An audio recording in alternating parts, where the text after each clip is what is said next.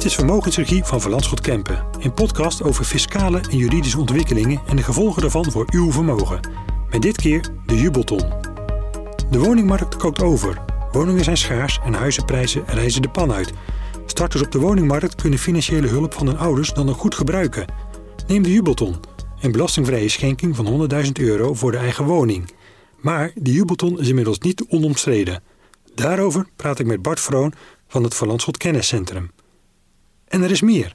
Want bij zo'n schenking voor een eigen woning moeten zowel de schenker als de ontvanger vooraf zaken vastleggen. Bijvoorbeeld hoe de opbrengst van het huis te verdelen als het wordt verkocht, in het geval van een scheiding. Daar wordt nog wel eens vergeten en levert achteraf lastige kwesties op. Bart geeft dan ook vier tips bij het schenken voor een eigen woning. Mijn naam is Maarten van der Pas. Bart, hartelijk welkom. Dankjewel, goeiedag. Bart, ja, nog even naar de jubelton. De belastingvrije schenking voor de eigen woning van, om precies te zijn, 105.302 euro. En we spraken daar ook in eerdere podcast eh, wel eens over. Wat zijn ook alweer die voorwaarden verbonden aan de jubelton? Nou, aan die vrijstelling zijn best veel voorwaarden verbonden. Maar de mhm. belangrijkste voorwaarden zijn uh, dat de ontvanger of zijn fiscaal partner nog geen 40 jaar oud is. En dat zij nog niet eerder een beroep hebben gedaan op die verhoogde vrijstelling. En een andere voorwaarde is dat de schenking wordt gebruikt voor aankoop of verbouwing van de eigen woning of voor aflossing van de eigen woningsschuld. Ja, en maakt het nou ook voor die vrijstelling uit wie er schenkt? Je denkt dan al gauw aan ouders aan hun kinderen, maar misschien ook grootouders aan hun kleinkind of een tante die aan haar neef of nicht schenkt? Ja, dat kan allemaal, want bij de vrijstelling wordt gekeken naar de persoon van de ontvanger. En die kan dus meerdere keren de jubelton ontvangen. De ontvanger kan dus een belastingvrije schenking ontvangen van oma, van tante, maar ook van de buurman. Maar wel is het zo dat hij die schenking niet zowel van zijn vader als van zijn moeder kan ontvangen, ook al zijn zij gescheiden. Want dan worden de bedragen bij elkaar geteld. En dat geldt ook als bijvoorbeeld vader een schenking wil doen aan zowel zijn zoon als aan zijn schoondochter. Dan worden de bedragen ook bij elkaar geteld. En de vrijstelling geldt dan maar één keer. Oké, dus wel even goed te weten wanneer eh, dat bij elkaar wordt opgeteld. Dan zal het meestal gaan om een schenking tussen ouder en kind. Zijn daar dan nog bijzonderheden bij te noemen? Nou, het bijzondere bij die schenking is dat een deel van de schenking, bijna 27.000 euro, die mag vrij worden besteed. Dus de ouder kan bepalen dat de hele schenking moet worden aangewend voor de aankoop van de woning of voor aflossing van de schuld. Maar de ouder kan ook goed vinden dat een deel tot maximaal, nou het exacte bedrag is 26.881 euro, dat die vrij besteedbaar is. Bijvoorbeeld voor eh, de inrichting van de woning, maar ook voor het aflossen van een studieschuld. En het mooie daarvan is dat dat de leencapaciteit van het kind verhoogt. En het bedrag dat ik noem, dat geldt alleen tussen ouder en kind. Dus krijg je van een ander een schenking, dan is slechts 3244 euro vrij te besteden. En die ouder kan bij het doen van die schenking ook een uitsluitingsclausule in de schenkingsakte opnemen. En dat noemen ze ook wel een privéclausule. En dat is een bescherming tegen echtscheiding. Oké, zo kun je als schenker eigenlijk ook nog je eigen voorwaarden aan die schenking uh, verbinden. Um, nou herinner ik mij ook aan uit de verkiezingsprogramma's, eh, Bart, hè, eerder dit jaar, dat uh, de Jubelton vaak terugkomt en niet alle partijen zijn er even gelukkig mee. Kun je ons nog eventjes langs de standpunten nemen? Ja, nou er zijn flink wat politieke partijen, zoals D66, PvdA, de ChristenUnie en GroenLinks en SP. En die zijn voor het afschaffen van die vrijstelling. Want eigenlijk is het zo dat men vindt dat uh, vooral vermogende families van die jubelton gebruik maken. En dat maakt eigenlijk veel huizen voor veel mensen die niet zo'n jubelton hebben ontvangen onbereikbaar. En een andere partij, CDA, is bijvoorbeeld voor het inperken van de vrijstelling. En aangezien enkele van deze partijen die ik nu noem deel zullen uitmaken van de regeringscoalitie, is het afschaffen van die jubelton op Prinsjesdag dus niet ondenkbaar. Ja, dat is een belangrijk moment uh, later op uh, dit jaar om waarbij we meer zullen horen over de jubelton. En ja, misschien ook eens kijken wat daarover wordt gezegd in het regeerakkoord van de, de nieuwe regering. Nou, de politieke druk op de jubelton die neemt dus toe. Um, nu herinner ik me ook dat ook andere financiële partijen, zoals de AFM, de Autoriteit Financiële Markten, zich ook over de jubelton hebben gebogen. Wat, wat vinden zij ervan? Nou, de voorzitter van de AFM die heeft zich in de discussie gemengd. En zij vindt dat fiscale douceurtjes, zoals die startersvrijstelling voor de overdrachtsbelasting en de jubelton, dat die alleen maar leiden tot het oplopen van de huizenprijzen. En dat is volgens haar een risico voor de economische stabiliteit. Er is ook een uh, woningmarkteconoom van de Rabobank die de publiciteit heeft gezocht. En die wijt het oplopen van de huizenprijzen aan belastingvoordelen in combinatie met de lagere rente en het woningtekort. Mhm. En hij ziet het risico dat daardoor de vermogensongelijkheid tussen huurders enerzijds en de mensen met een eigen huis, uh, dat die verder groeit. Nou, dus, tot slot is er dan recentelijk een onderzoek uh, aan de Tweede Kamer aangeboden. Onderzoek uitgevoerd door CEO, dat is een uh, wetenschappelijk instituut.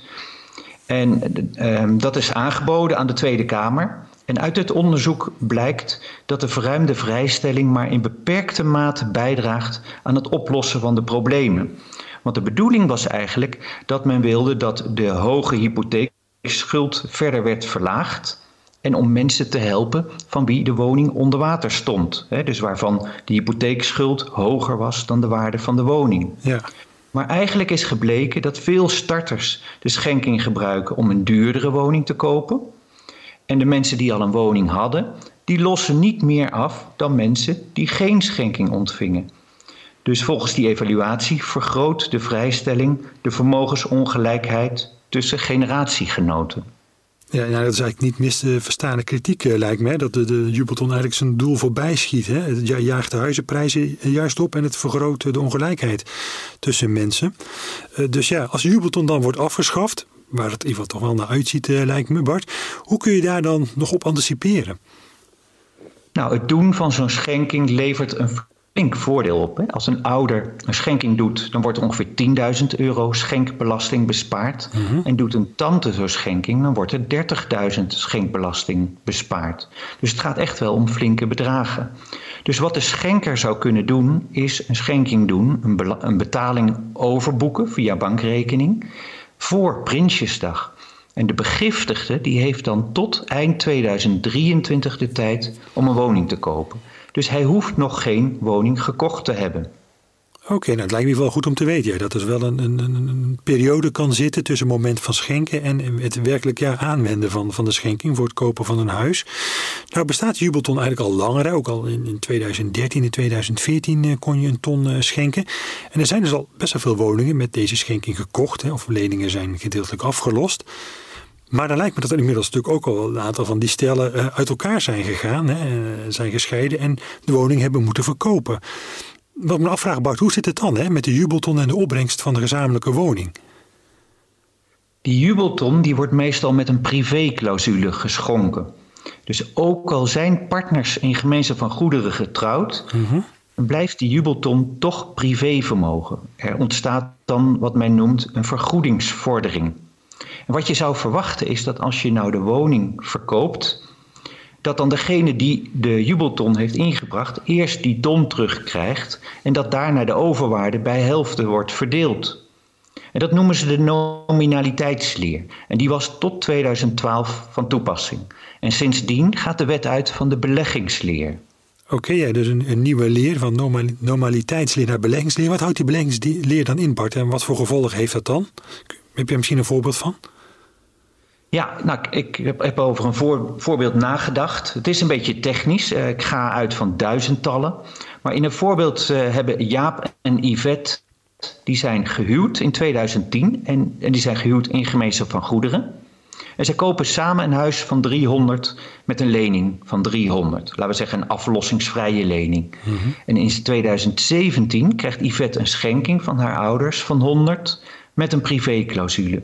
Ze gebruikte de hele schenking om de lening af te toppen. Mhm. En de waarde was toen 500.000, de waarde van de woning. En in 2020 komt het tot een scheiding en de woning is dan 540 waard. Dus op dat moment was er dus een overwaarde van 540 min de restschuld van 200, dat is 340. Nou, en op basis van die beleggingsleer heeft Yvette eigenlijk een derde van de woning betaald, namelijk 100 300ste deel. Dus er wordt teruggegaan naar de waarde ten tijde van de aankoop van de woning. Oké. En bij die verdeling heeft ze recht op een derde van 540, de opbrengst van de woning. En dat is 180. Dus als je nou de, van de overwaarde van in totaal van 340 die 180 aftelt, aftrekt, dan is er eigenlijk 180, 160 te verdelen. En die wordt bij helften verdeeld.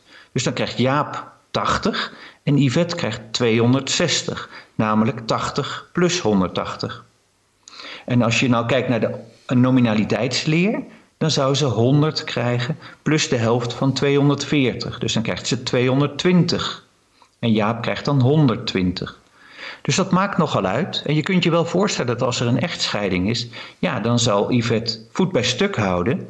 En die zal zich op de wettelijke systematiek van die beleggingsleer beroepen. Ja, want dat is duidelijk. Hè? Dat levert haar veel meer op, die beleggingsleer. Die heeft dus best wel wat impact.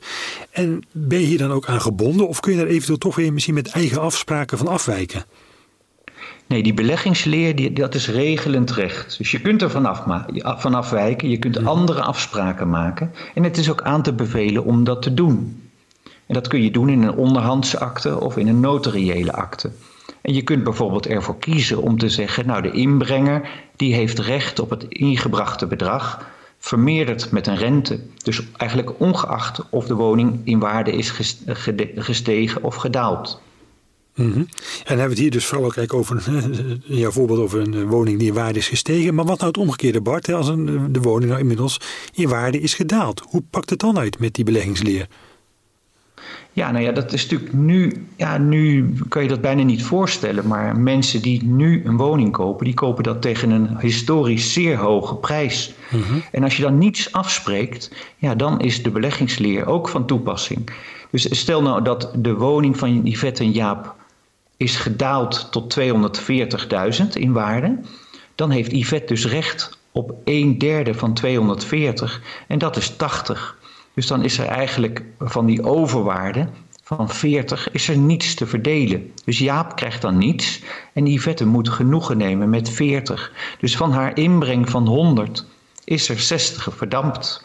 Ja, dat kan dus wel duidelijk ook ja, aan de andere kant op schieten met die beleggingsleer. En het lijkt me goed om daar dan nog rekening mee te houden. En maakt er nu ook nog verschil hè, of die schenking is aangewend voor aflossing van een lening of voor een verbouwing van een woning? Ja, dat maakt veel verschil. Want wat ik net al zei, bij aflossing kijk je dus naar de historische prijs, maar bij verbouwing kijk je naar de waarde vlak voor de verbouwing. En die is daar dan doorslaggevend. Dus het is van belang om taxatie te laten maken uh, van de waarde van de woning voor en na de verbouwing. Ja, en dan kun je dus die waardestijging, die kun je dan aan de verbouwingskosten toeschrijven. Ja, en het is dus belangrijk om alles eigenlijk goed schriftelijk vast eh, te leggen. Blijkt wel uit je antwoord. En uh, ja, ook hè, wat de bedoelingen dan zijn van, van de echtgenoten. Nou, was het jouw voorbeeld dat Jaap en Yvette die zijn gehuwd, uh, maar het ook mensen die samenwonen. Hè, hebben zij dan ook te, hoe zit het dan? Hebben ze ook te maken met die beleggingsleer? Nee, de beleggingsleer die geldt niet voor samenwoners. Dus zij kunnen een samenlevingscontract opstellen en zij kunnen daarin bepalen dat, ze, dat de beleggingsleer van toepassing is. En soms is dat ook misschien wel terecht. Hè? Het is, soms kan een partner veel meer inbrengen in een woning. En dan is het misschien niet helemaal eerlijk dat hij alleen maar de nominale waarde terugkrijgt. Hij mag misschien best wel beloond worden voor het feit dat hij wil meer, meer geld in de woning investeert of belegt, zo je wilt. Mm ja, dus dat zijn allerlei aspecten ja, die je noemt, Bart, waar je natuurlijk bij het ontvangen van een jubelton nou niet direct uh, aan denkt, of waar je rekening mee houdt, maar waarbij het, waarvan het wel goed is om er aandacht aan te besteden. En dus ook om die bedoelingen van, van beide partijen, de, de schenker en de ontvanger, vast te leggen. Nu lopen we een beetje richting het einde van deze podcast. Uh, heb je tot slot ook nog tips voor klanten van Verlandschot? Ja, uiteraard. Ik heb er vier. Nou, de eerste gaat over eh, het schriftelijk vastleggen van uh, de schenking en de daaraan verbonden voorwaarden. doe dat dus schriftelijk. Neem ook die privéclausule op in de voorwaarden. Doe tijdig aangifte schenkbelasting en doe dat dus voor 1 maart van het jaar erop. Mhm.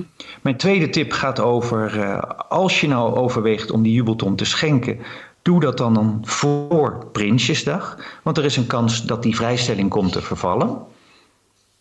Nou, mijn derde tip gaat over het vastleggen van hoe met de uh, inbreng van de privégelden wordt omgegaan. Dat geldt niet alleen voor gehuwde en geregistreerd partners, maar ook voor samenwoners. Zo kun je bijvoorbeeld bepalen dat alleen een rente wordt vergoed over de extra inbreng, ongeacht of er sprake is van een waardestijging of van een waardedaling. En mijn laatste tip gaat over het gebruiken van de schenking voor een verbouwing. Nou, houd dan de kosten van de verbouwing goed bij, hè, administreer die goed en laat een taxatie van de woning doen voor en na de verbouwing. Nou, nou bedankt Bart eh, voor jouw vier tips en, voor jouw toelichting over de jubelton en wat erbij komt kijken. En denk ook aan de privéclausule. Je vertelt ook over de beleggingsleer. Het is wel duidelijk dat de jubelton maakt de aankoop van een woning een stuk gemakkelijker. Maar de praktijk levert vragen op eh, waarbij op het moment van schenken vaak geen aandacht eh, besteedt. En in een echtscheidingssituatie zijn ontvangers van de schenking aan wetten gebonden, zij anders overeengekomen. De schenking voor een eigen woning is een soort belegging en maakt vooraf dus afspraken over de verdeling van de meerwaarde als de woning wordt verkocht. Bedankt voor het luisteren naar Vermogensregie, een podcast van Verlandschot Kempen. En wilt u meer regie over uw vermogen? Bezoek dan de website www.verlandschot.nl of abonneer u op dit podcastkanaal.